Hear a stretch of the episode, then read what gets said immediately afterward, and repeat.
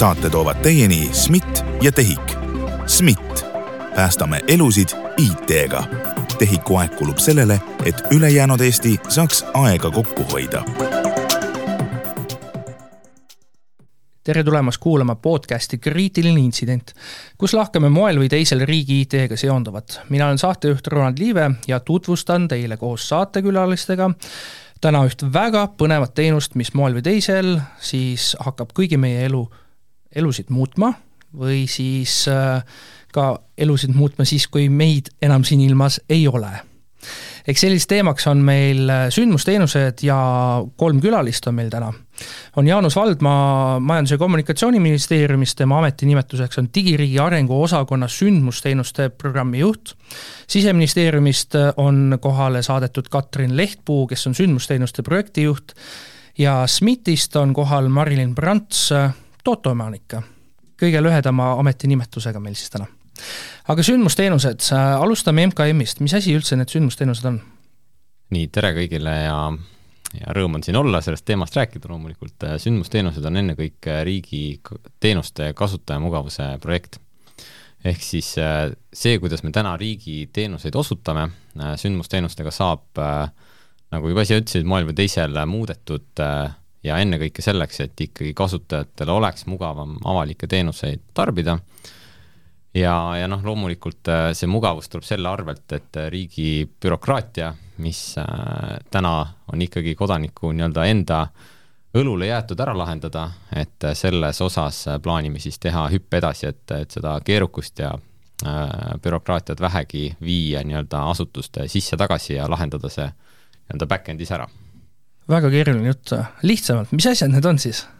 kuidas mina nii-öelda tavalise inimese, kujutame ette, me kõik oleme tavalised inimesed siin, selle riigi kodanikud enamjaolt, need, kes seda saadet kuulavad, et äh, kuidas me saame nii-öelda oma käega seda katsuda, neid sündmusteenuseid mm? -hmm. noh, sündmust, sündmused on inimeste elus äh,, igaühe elus on ridamisi erinevaid sündmusi ja tihtipeale need toovad kaasa mingisuguse kontakti riigiga. ja selle asemel, et siis minna ja ise välja ajada, missugused teenused, toetused on saadaval siis riik ise kas siis äh, automaatselt pakub neid või siis vähemalt toob info selle kohta ühte kohta kokku, et mis saadaval on. ja sündmused, nagu me teame, sellised elusündmused hakkavad pihta siis sünniga? jah, sisuliselt küll, et äh, ühe inimese jaoks võib, võib küll sünd olla nii-öelda tema esimene elusündmus, aga tema vanemate jaoks on see lapse sündimine juba nende jaoks üks sündmus, ehk siis äh, natukene võiks öelda, et juba enne sündi hakkab, äh, hakkab nagu see lapse sünni sündmus pihta, aga tõsi äh,, skoobis on äh, kindlasti lapse saamine ühe sündmusteenusena sealt edasi siis lasteaeda astumine ja kooli astumine ja erinevatesse koolidesse hiljem veel edasi minemine. Juhilubade taotlemine, abiellumine, mine tea, mingil hetkel ka lahutus, äh, samuti äh, pensionile jäämine ja inimese surm sisuliselt, et kogu elukaar. ja kõik need, mis said praegu siis ette loetud, sisuliselt äh, riik siis loob digitaalseid lahendusi, et need ei peaks nii palju pabereid määrima kui praegu? sisuliselt küll jah, et kõik need on meil skoobis ja, ja samm-sammult vaatamegi, et kuidas siis konkreetse teenusekorralduse parendamisega seda väärtust luua mul on üks spikker ees, äh, millele on pandud pealkirjaks sündmusteenuste teekaart kaks tuhat kakskümmend üks. meil on äh, kaks tuhat kakskümmend kaks, varsti juba kaks tuhat kakskümmend kolm. kui palju sellest on äh, juba valmis või nii-öelda töös mm? -hmm jaa, no selle aasta lõpuks esimesed sammud kahe sündmusteenusega saab siis astutud. et, et see on tõesti selline töö, mis on olnud pikk ja, ja see on erinevaid väljakutseid täis olnud aga lapse saamine äh, ja abiellumine on siis kaks äh, nii-öelda sündmusteenust, mille nii-öelda esimese iteratsiooni siis aasta lõpuks Eesti keskkonda toome. ja noh, suur osa ongi sellest sündmusteenusest, äh, no see on võib-olla kaks osa isegi, üks on see, et mis on puhtalt äriline vaade, et mis on see teenuse jada ise. ja, ja teine pool on siis loomulikult tehnoloogiline, et ma arvan, et mõlemaga me oleme siin piike ja maid murdnud päris kõvasti, et äh, kaks tuhat kakskümmend üks äh, teenuse teekaardil, ma arvan, et see lapse saamine, abielu olid kindlasti olemas ja nendega nüüd selle aasta lõpuks jah, välja tulemegi. ja mida need teised siis ootavad nii-öelda oma aega, ütleks, tegelikult eks see taandub mitmes osas sellele, et kui paljude teenustega korraga jõuab või kui paljude arendustega korraga jõuab tegeleda. et üks arenduspartner kesksel kohal on Riigi Infosüsteemi Ametis siis sündmusteenuste osakonna inimesed ja noh, kõiki, kõiki teenuseid korraga peale panna nii või teisiti ei saa ja noh, loomulikult äh, ei saa ka mööda vaadata sellest, mis maailma olukord äh, viimastel aastatel on olnud, et äh, riigiasutused on ikkagi päris kõva pinge all olnud, et tulla toime selle eluga, mis, mis täna siin ja praegu toimub, ja võib-olla see, mis, et, et kuidas teha riigielu mugavamaks ja kuidas teha elu lihtsamaks, noh, paratamatult siin tuleb tõenäoliselt prioriteete seada lihtsalt. enne kui me lähme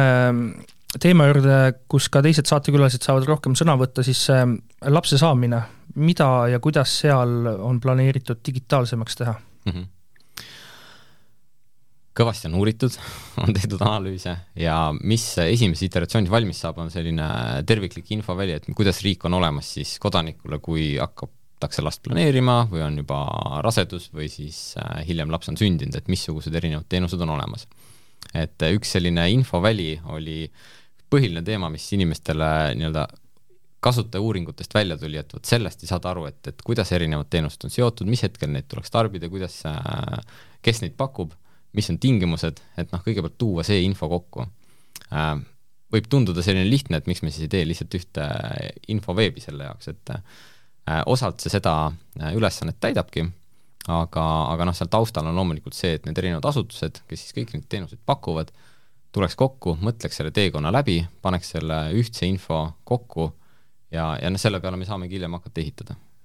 Üks äh, fraas, mis läbi käis, et äh, lapse planeerimine, kas siis riik hakkab mulle ette ütlema, et nüüd, et äh, et oled juba näiteks abielus või riik teab, ma ei tea küll, kuidas, et ma olen kellegiga nii-öelda kooselus, et kuule, et nüüd oleks aeg nagu, et võiks ikka lapse saada või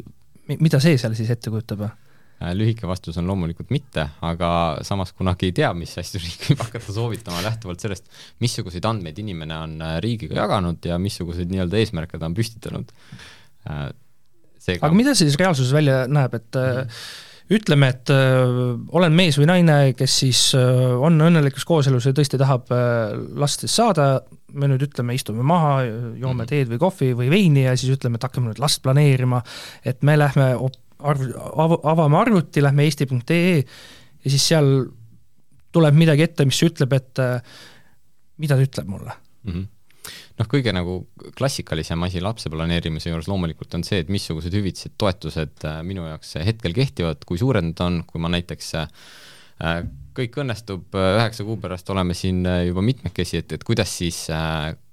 kuidas riik on see toetuste ja hüvitistega minu jaoks olemas? noh, see on põhiline küsimus, kui kõik on, kõik on hästi ja kõik on kenasti. aga noh, loomulikult on ju olukordi, kus äh, kas planeerimine võtab kauem, võib-olla on vaja mingisuguseid tugiteenuseid, et üldse rasestuda, et noh, ka kõik see info on tegelikult selles kohas olemas. ehk nagu abi tõesti neile, kellel äh, näiteks lootuslikul teel ei, ei ole nii-öelda võimalik last saada, et siis riik äh, on koostanud või koostamas siis ja kohe varsti saab valmis selline kogumik siis, kust kogu selle info saaks kätte kohe. just, just. et selline infoväli on olemas. ja siit käis läbi ka juba see, et need toetused, kas siis ka ma login eesti.ee-sse, mulle öeldakse, et, et, kui sa nüüd äh, üheksa kuu pärast saad lapsevanemaks, äh, siis lähtuvalt äh, nendest maksudest, mis sinu eest on makstud, siis sa saaksid toetusi just nii palju mm. -hmm Äh, täna iseenesest äh, Sotsiaalkindlustusamet on väga kenasti ära lahendanud äh, lapse või vanemahüvitise pakkumise, et, et kui laps on sündinud, siis saadetakse juba proaktiivne pakkumine. et neid kalkulaatoreid, kus sa saad varasemalt enda noh, tööstaaži ja kõige sellega juba välja arvutada, et mis su hüvitis on, neid on erinevaid. uuest aastast see kena funktsionaalsus veel seal ei ole, aga vähemalt, et, et noh, mille põhjal arvutada, mille põhjal hüvitised kujunevad, noh, kõik see info on seal vähemalt olemas. aga ta ei ole personaliseeritud ma olen natuke provokatiivne ütlen, et kas sellist asja meil on ikka vaja mm.? Noh, kasutajad ütlevad, et on. et me oleme ise korduvalt äh, küsinud äh, erinevate analüüside raames, et, et kui me paneksime, kui me võtame sellise teema nagu lapse sünd, et mis seal, mis seal nagu puudu on või noh, mis seal nagu tervikpildid puudu on ja, ja põhiline teema, mis tegelikult välja tulebki, ongi see, riik on keerukas, me ei saa aru nagu mis hetkel, mis teenused, mis hüvitised. tooge palun see ühte kohta kokku, siis on see arusaadav. et noh, puhtalt sellise info organiseerimisega me näeme, et tegelikult me juba seda väärtust loome. mida me keskselt võib-olla ei saa nii hästi teha, on see öelda, et, et noh, mida täpselt Sotsiaalkindlustusamet peaks tegema, et veel oma teenustesse tõsta seda teenuse pakkumise taset või kvaliteeti. et noh, kindlasti me oleme MKM-i poolt ja selle kogu sündmusteenuste äh, nii-öelda programmiga igatepidi toeks ja valmis äh, neid teenuse taseme äh,, teenuse tasemeid ja kvaliteeti tõstma, aga, aga noh, sundida siin loomulikult kedagi ei saa ehk Majandus- ja Kommunikatsiooniministeerium on reaalselt küsinud eestlaste käelt tagasisidet, et kas te tahaksite selliseid asju ja eestlased on avasüli öelnud jaa, me tahame, et kõik oleksid olemas nagu nii-öelda kas siis e-teenustena või, või digitaalsemalt, rohkem mm -hmm. digitaalsemalt kui praegu. et ja. see ei ole niisama, et keegi ministeeriumis lihtsalt mõtles välja, et nüüd ma mhm. tahan ja nüüd peab olema äh, see võis kunagi niimoodi alguse saada, aga hiljem ikkagi mindi ja kontrolliti küll, et siin on noh, kaks äh, nagu aspekti ähm, keskne portaal Eesti.ee, selle kohta on tehtud äh, siis kasutajauuringut ja küsitud inimeste käest ja see valim oli seal üle tuhande, et päris esinduslik, et mis moel te soovite riigiteenuseid tarbida. ja noh, seal oligi valik, et kas siis üht, ühest kesksest portaalist, mis suunab teid edasi, või siis te tahate ise nii-öelda nagu selle jada läbi käia erinevate portaalide vahelt ja noh, seal ülekaalukalt kaks kolmandikku ikkagi oli, oli keskse portaali poolt äh, ja, ja noh, teine aspekt siis noh, konkreetse teenuse puhul jah, sihtgrupid on alati nii-öelda teenuse väljatöötamise ka noh, tugevalt kaasas, ehk siis kasutajauuringud, kasutajaintervjuud selle sihtgrupi sees on alati tehtud, jah selge, loodame, et, et laps sai planeeritud, laps on käes ja nüüd paar siis tahab ka abielluda. ja järgmine samm siis ongi, et ma saan aru, ma saan hakata varsti nüüd jälle eesti.ee-sse sisse logima ja sealt mulle keegi ütleb, et mida ma nüüd tegema pean selleks, et ma tahaksin abielluda. ehk siis Katrin ja Marilyn Siseministeeriumi ja SMIT-i esindajad kuidas kogu see elektrooniline abiellumine välja näeb? Tere minu poolt ka, et väga põnev on siin olla ja sellel teemal rääkida. Mm abiellumine elektrooniline ja et me alustame tegelikult sellest, et me saame seda avaldust esitada elektrooniliselt. et see on selline esimene samm äh, sealt äh, nii-öelda edasi selle sündmusteenuse raames ka et äh, alguspunkt äh, võib olla nii eesti.ee-s, kus inimene siis leiab samamoodi selle info, et äh, et mida, mida abiellumine endast üldse kujutab, millised on need sammud, mida tuleb läbida siis, ja, ja sealt leiab ka otselingi sellisesse portaali nagu rahvastikuregister.ee, mis koondab siis rahvastikuregistri teenused ja selle aasta lõpus siis ka abiellumise avalduse esitamine on seal võimalik. kui ma siin varasemalt seda lapse saamise teemat niimoodi meelevaldselt siis äh, provotseerisin veidi, siis see abiellumise teema oli tegelikult see, et kui mul isiklikult see protsess oli käsil äh, nüüdseks viis aastat tagasi, kui ma ei eksi, jah, ma loodan, et ma ei eksi, siis see oli see, millest mina tundsin puudust. et ma oleks tahtnud seda, ma eeldan, arvan mm., järeldan, et see on asi, mida on küsitud väga palju, siis olgu selleks Siseministeerium või MKM või, või mõni muu ministeerium, kas see on asi, mille puhul on nii-öelda ministeeriumisse kujundlikult siis kirju saadetud ja öeldud, et palun, miks te ei ole seda veel teinud? Äh, no mul seda infot nii täpselt nüüd ei ole, et kas me otseselt äh, selles osas kirju oleme saanud, küll aga me ise samamoodi isiklikult ka olen helistanud äh, inimestele, kes olid kas hiljuti kas abiellumisavalduse esitanud või olid juba abiellunud, et, et mis need murekohad nad on, selle teenuse puhul siis on. Ja tegelikult tuligi sealt välja see, et et väga soovitakse ju seda, et,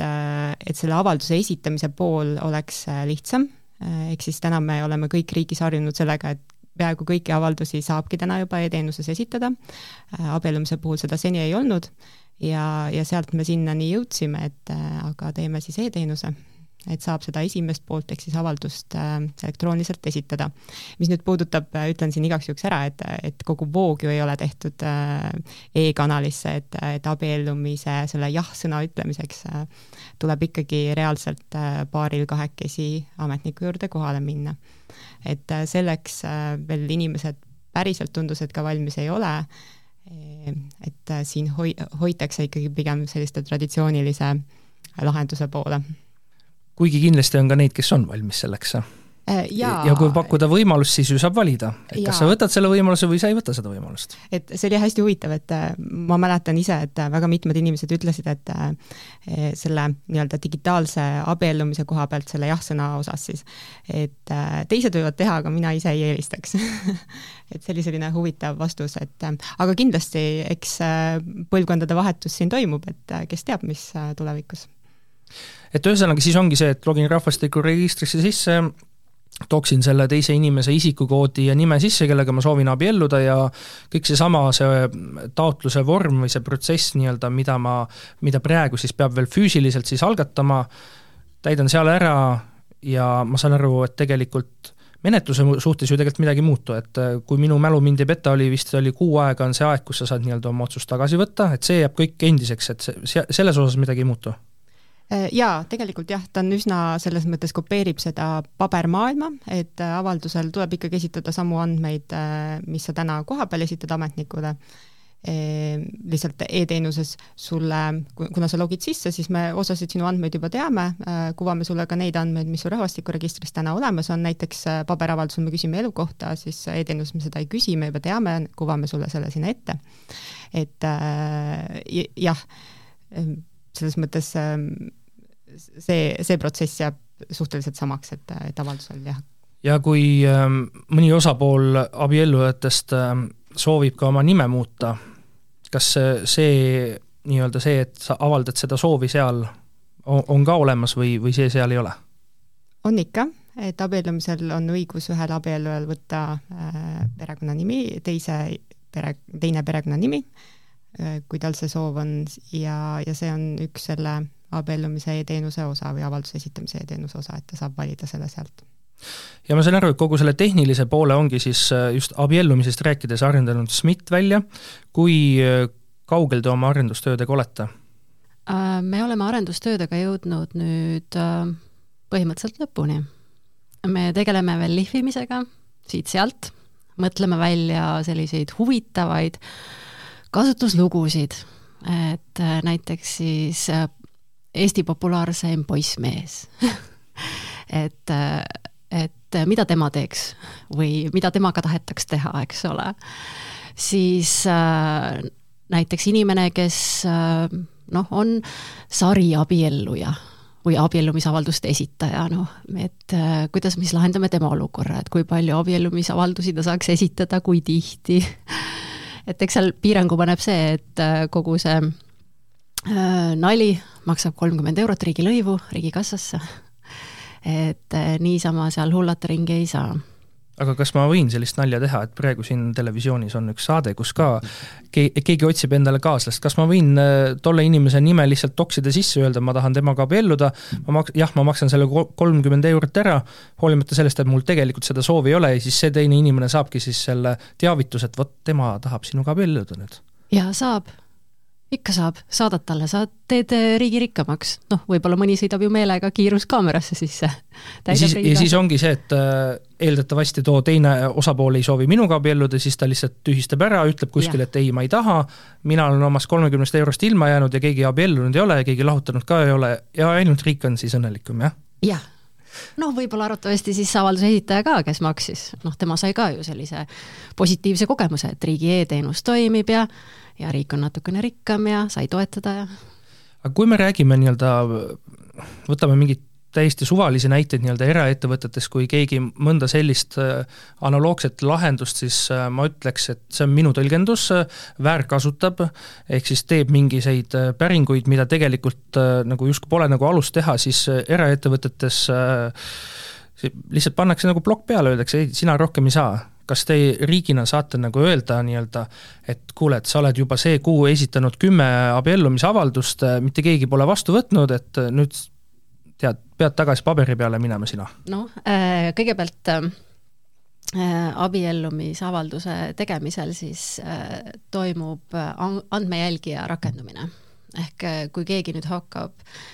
teist poolt noh, nõndanimetatud jälitama, siis teab isikukoodi ja nime siis andmejälgijasse jääb jälge maha, et äh, keegi on proovinud siis temaga midagi teha. et see võib anda vihje sellistele inimestele, et äh, pole mõtet, eks ole. ja teiselt poolt on tegemist rahvastikuregistri iseteenindusportaaliga, kus juba on olemasolevad e-teenused, näiteks elukohateate esitamine, äh, juhul, kui elukohta muudetakse või eestkostetavate või laste elukoht muutub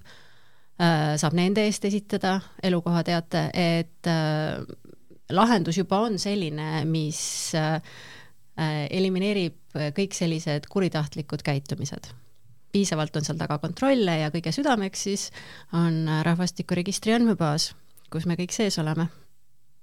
ja teie hindate seda tõenäosust, et keegi hakkab seda niimoodi kuritarvitama, nagu ma näite tõin, et üsna, üsna väike? jaa, ja sellest jääb kohe jälg maha, sest et inimene logib sisse ikkagi enda eh, enda nimega, kas siis ID-kaardiga, Smart-ID-ga, mobiil-ID-ga ja sellest jääb siis jälg maha. Kuidas te prognoosite, kui popu-, kui populaarseks see elektrooniline abiellumine siis nii-öelda saab? jaa, eh, võrdlemegi teiste e-teenustega, et eh, elukohateateid tuleb eh, sisse niimoodi, et kaheksakümmend protsenti oli e ja kakskümmend protsenti paberavaldustena Äh, kui mõtleme abiellujate profiili peale, kes on enamasti siis äh, nooremapoolsemad, mm, esimest abielu äh, registreerivad paarid, siis nemad on ka kindlasti harjunud sellega, et Eestis saab kõike teha e-teenusena. olen kuulnud lugu, et on kolm asja, mida ei saa. üks on abielu, teine on lahutus kolmas on ka veel midagi abielu nüüd tuleb kohe aasta lõpust, lahutus tuleb kahe aasta pärast. ja, ja need, kes siis äh, nooremapoolsed on, nemad äh, tõesti, äh, me usume et, et üheksakümmend protsenti neist hakkavad seda e-kanalit kasutama. mis tähendab, see on päris suur osakaal, et no võtame aastase abiellumisavalduste arvu sinna vastu kuskil seitse tuhat, kuus tuhat. meil on vist, jah, ma täpsustan siin, selle aasta peale tuleb umbes seitse tuhat abielu, aga me peame siin selles mõttes arvestama sellega, et e-teenus äh, saab olema veidi piiratud isikutele. Mm, -hmm. et äh, me ei saa sinna lasta näiteks välismaalasi, kellel ei ole Eesti elukohta või kellel ei ole üldse isikukoodi, nad ei saa sisse logidagi meie rahvastikuregistri portaali, et tegelikult me veidi ikkagi piirame seda isikute ringi, kes e-teenust kasutada saab, et meil on seal omad tingimused, sõltuvalt siis abielu avalduse esitamise nõuetest. Kas ka need Euroopa Liidu kodanikud, kellel on olemas enda riigis väljastatud ID-kaart, millega tegelikult pääseb Eesti e-teenustel ligi, et kas nemad siis ka sealtkaudu nii-öelda eestlasega abielluda elektroonselt veel sel aastal ei saa hakata? ma nüüd sisselogimise osas jään vastuse võlgu, kas nad meie portaali saavad, saavad jah e? eestlased saavad Eesti isikukoodiga ja meie digi ja täisealised siis ka, eks ole? jaa, aga need tingimused on jah, et ja., et sul peab tegelikult olema Eesti elukoht vähemalt kuus kuud, sa ei tohi otse loomulikult olla abielus, on ju, äh, sul peab olema sünnidokument Eesti rahvastikuregistris, mida me kontrollime, et kui sa oled see Euroopa Liidu kodanik, kes tegelikult siia muid dokumente esitanud ei ole, eks sinu sünnidokumenti ei ole rahvastikuregistris, siis sa kahjuks e-teenust kasutada ei saa, aga sa saad alati minna koha peale.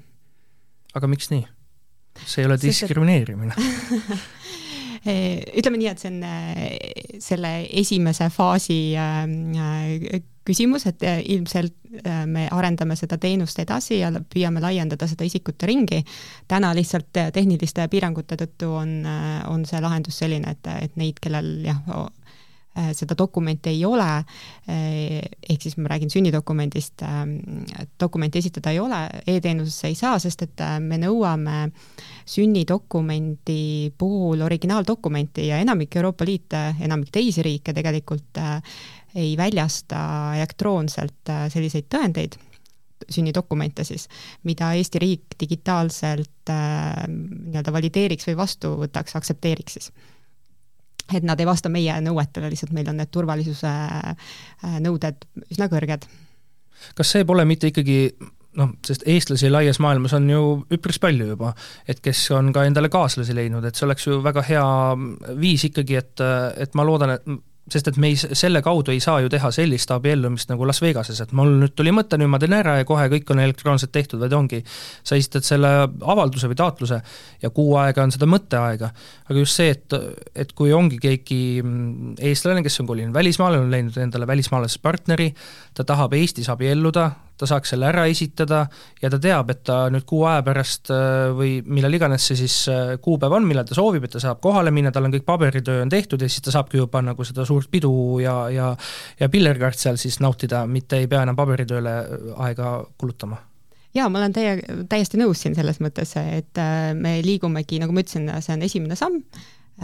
ja alguses avame selle teenuse sellele isikute ringile ja hiljem kindlasti laiendame, nii palju kui meil võimalik on. Siit korra käis läbi ka see, et alaealistele seda funktsionaalsust ei pakuta. Seal ma kujutan ette, et põhjuseid, selliseid nii-öelda legitiimseid põhjuseid on, on väga palju, aga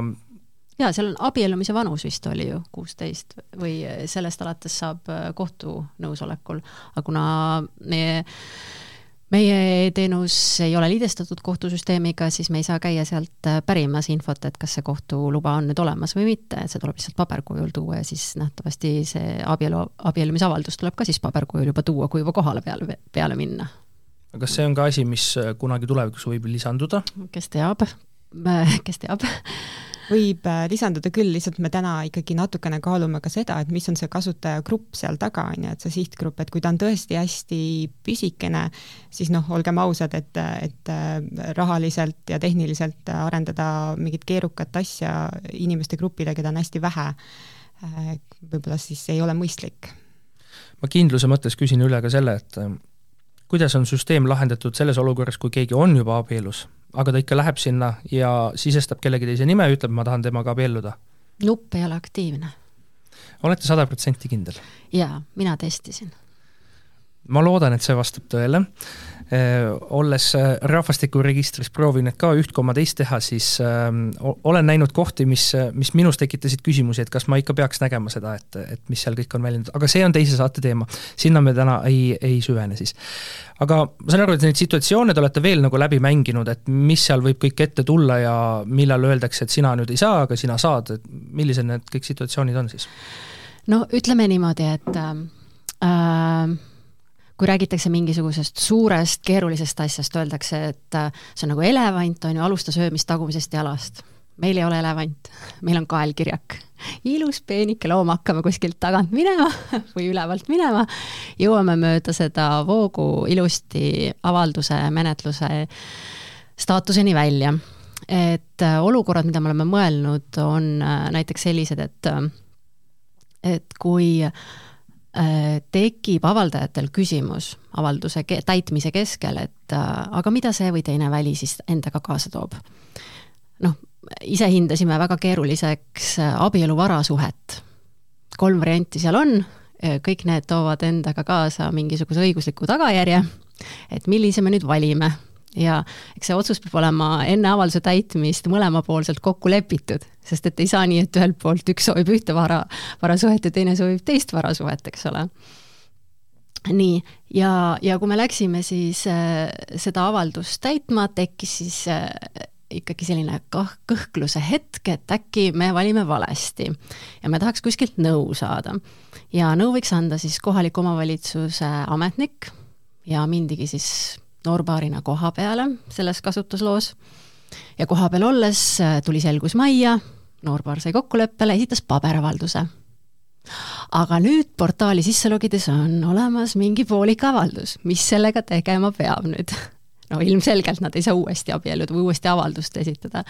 et siis äh, selliseid äh, kasutajateekondi me läbi käisime, et mis küsimused võivad tekkida ja mis hetkel kes mida peaks saama teha aga seal päris sellist kohta, et nüüd mul see küsimus on praegu tekkinud ja siis on, et siit, siit sa saad kontaktid ja helista sinna ja küsi sealt või tee nüüd äh, videokõne kohe kellegagi ja saad vastuse, sellist äh, varianti seal ei ole? on, on. Äh, me oleme ära linkinud siis seal portaalis oleva Loe veel mm, sektsiooni, kus on erinevad kuumemad küsimused abiellumise kohta, oleme nendes tekstides ära linkinud siis teiste riigiasutustega, et saab otse suunduda kohaliku omavalitsuse lehtedele, võtta sealt siis mõne ametniku või nende üldnumber, helistada neile, või Siseministeeriumi lehele või, või mõnda muusse äh, siis infokogusse, kus siis natuke rohkem on lahti seletatud, et millised õiguslikud tagajärjed või, või mis kohustused abiellumine kaasa toob. notarite lehel oli ka üks väga põhjalik artikkel, mäletan ja, ja varasuhte puhul Justiitsministeeriumi, selles mõttes jah, see info ja. on tegelikult seal olemas, kui inimesed ainult loeksid. jah, et guugeldama hakkama ei pea millal see riigilõivu tasumise hetk tuleb, kas kohe siis, kui ma olen selle ära täitnud, maksan ära või äh, süsteem vaatab mu selle avalduse üle või, või keegi inimene ja siis saadetakse mulle tagasi, et nüüd on kõik nagu okei okay ja sa saad hakata mak-, maksma?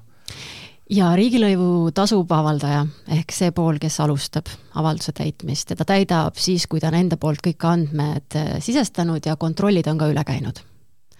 ehk siis äh, nagu Katrin ütles, on leitud tema sünnidokument ja tema elukoht on piisava kestvusega ja, ja muud kontrollid, mis seal on, ja siis ta saab alles maksma minna. ülejäänud äh, nõndanimetatud inimkontrollid, mis tulevad, need tehakse siis kohaliku omavalitsuse ametniku poolt, aga see toimub pärast seda, kui partner on ka enda nõusoleku andnud sellele avaldusele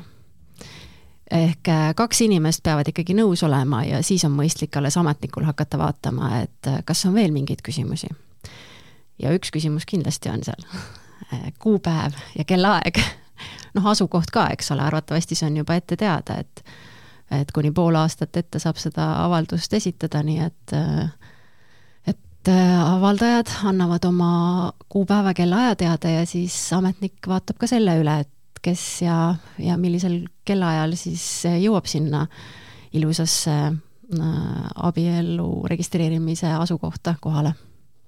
kas e-teenus puudutab ainult abiellumist või rakendub ka see või on kasutatav see ka koos ellumise puhul ehk, ehk siis kooseluavalduse esitamiseks?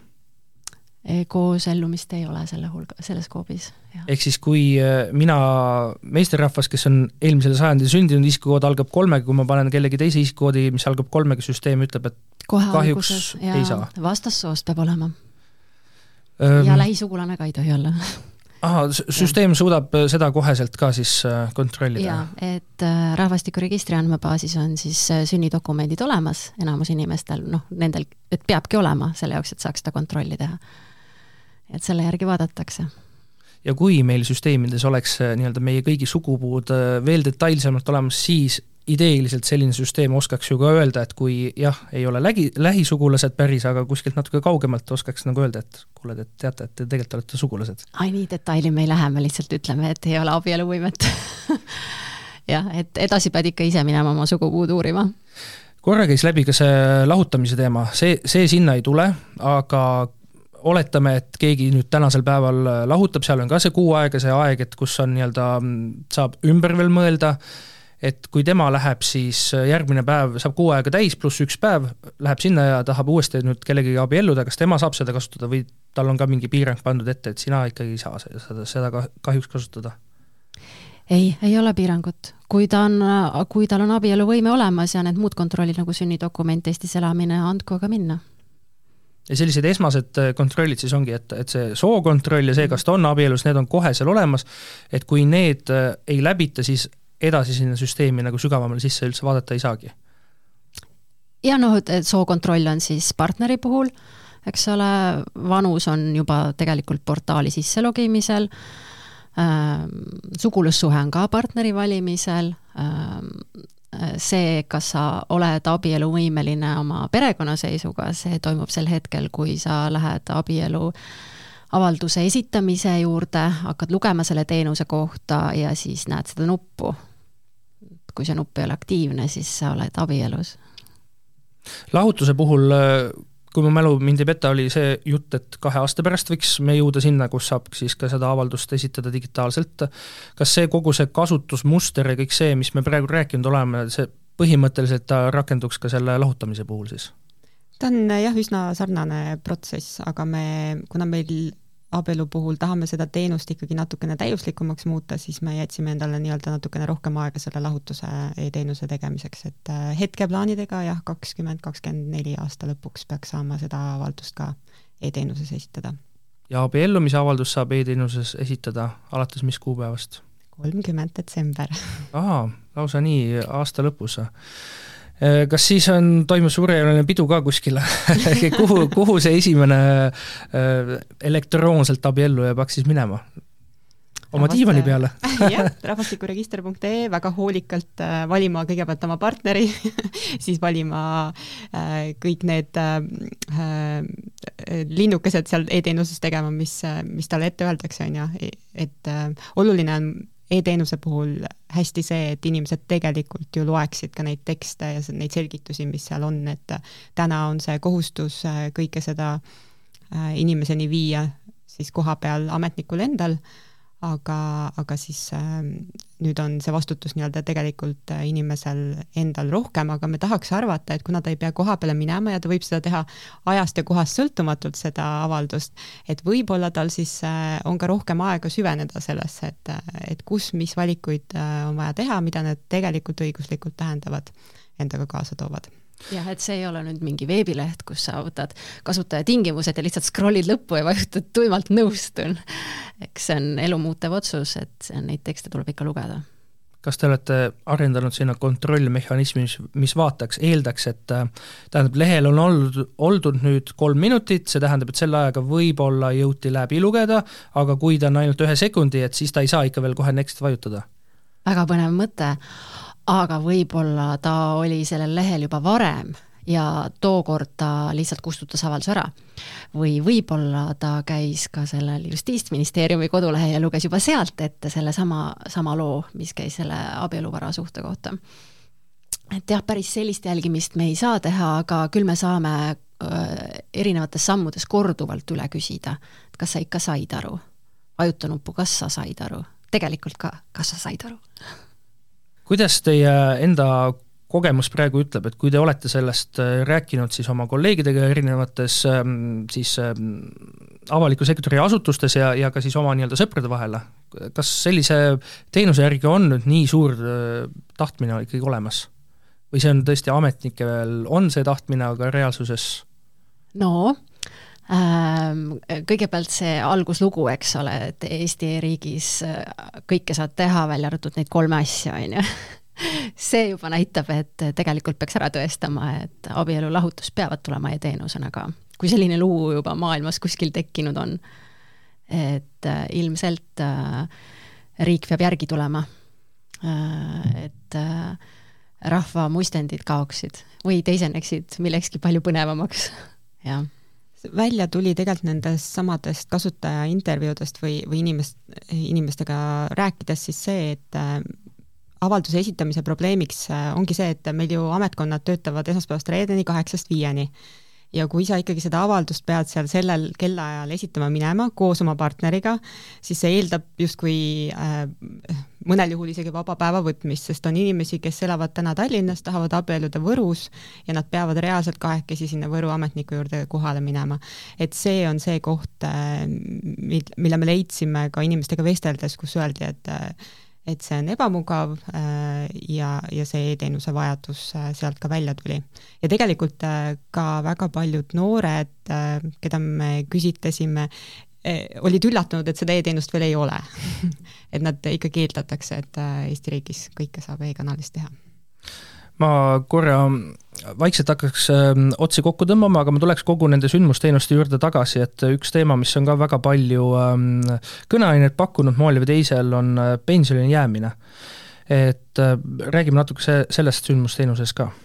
liiga palju siin hetkel rääkida ei ole, sest et äh, arenduste osas oleme ka ise hetkel nagu ootaval seisukohal, et, et, et kuidas meil siis teenuseomanik või siis selle sündmusteenuse omanik, Sotsiaalkindlustusamet, sellega enda prioriteetides koostöös siis Sotsiaalministeeriumiga selgusele jõuab. et paratamatult on, tuleb ka neil enda töös prioriteete seada, nii et siis esialgu, kuigi meil pension sai planeeritud siin nüüd kahekümne kolmandal aastal juba juba esimeses nii-öelda iteratsioonis välja tulla, siis, siis täna ei ole veel sada protsenti kindlad, et me selles graafikus liigume aga kui, kui noh, sellest teenusest endast rääkida, siis tegelikult seal sisu on äh, üksjagu, et äh, pensionid noh, tegelikult peaks mõjutama inimest juba alates sellest hetkest, kui ta tööle läheb. et äh,, et missugune, olles täna sellisel töökohal näiteks, äh, saades sellist sissetulekut, missugune on minu tulevikupension kunagi, noh, võib-olla see on äh, esimesed äh, ütleme, kakskümmend, kolmkümmend aastat enne pensionile jäämist lihtsalt selline huvitav näpuharjutus, aga mine tea, võib-olla mõnda aitab ka juba selline lihtne arvutus, on ju. aga see just arvutakski mulle selle välja, mitte ma ei peaks tuginema neile nii-öelda mm, külajuttudele, mis räägitakse, et ah, mis see ikka, tuleb sealt natukene, paarkümmend eurot, vaid mul oleks reaalselt silme ees näha, et lähtuvalt minu praegusest sissetulekust ja kõigest sellest, et ma näeksin, kui palju see mõjutab. kas, kas see tähendab seda, kas seal ma saaksin ka teha linnukeselt näita, et kui ma nüüd teisest pensionisambast lahkun, et milline minu pension siis hakkaks olema? minu meelest täna selline kalkulaator, ma ütlen, nagu isegi pensionikalkulaatorid on ka mitmeid ja, seal enda sissetuleku põhjal ja kas sa teisest sammast kogud või mitte, noh, saab juba seal neid numbreid võrrelda, on ju. see, kas ma näiteks kahekümne viie aastaselt või kolmekümne aastaselt tuginevalt enda tänasele sissetulekule saan enda kolmekümne viie aasta pärast algavat pensionit arvutada, ma kui sellise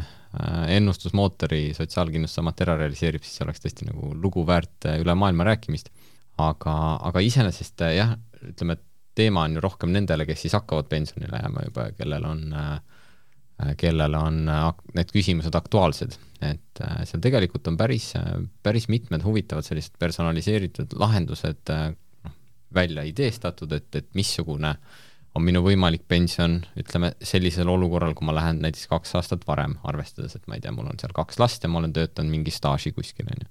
või siis, kui ma lähen kolm aastat hoopis hiljem, et, et vot selliseid nagu stsenaariumeid äh, tahetakse ühe osana sellest teenusest äh, ka läbi mängida. ja noh, lisaks loomulikult see kalkulaatorite pool ja kogu see info pool ja äh, ja teenuste nii-öelda avalduste esitamine, ka see pool kokku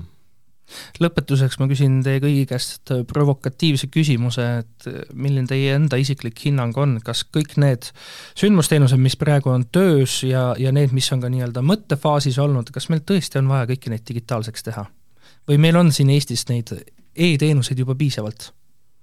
võib väga avatult äh, ja, vastata. me küsime enda portaali kasutajatelt hiljem tagasisidet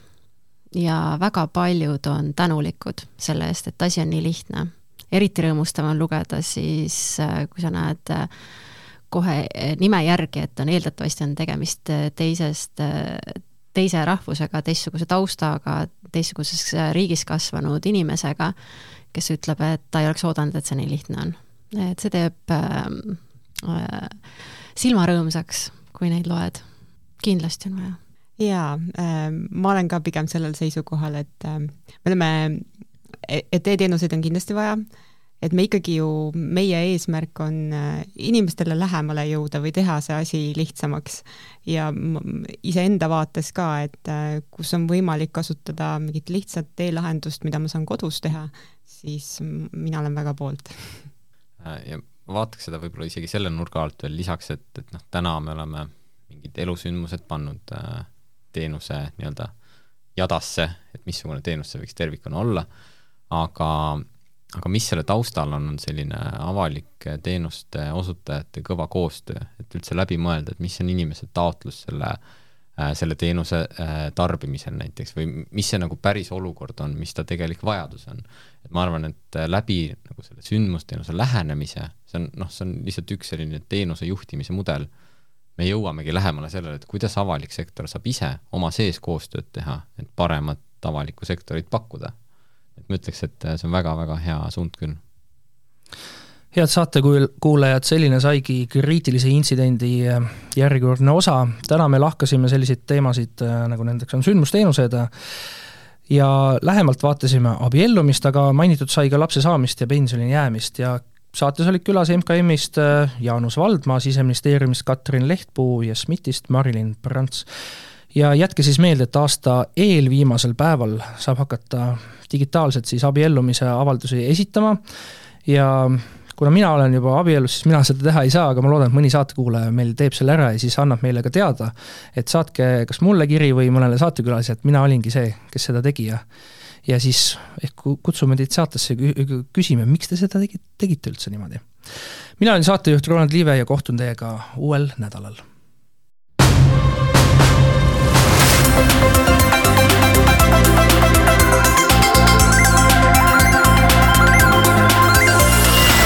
saate toovad teieni SMIT ja TEHIK.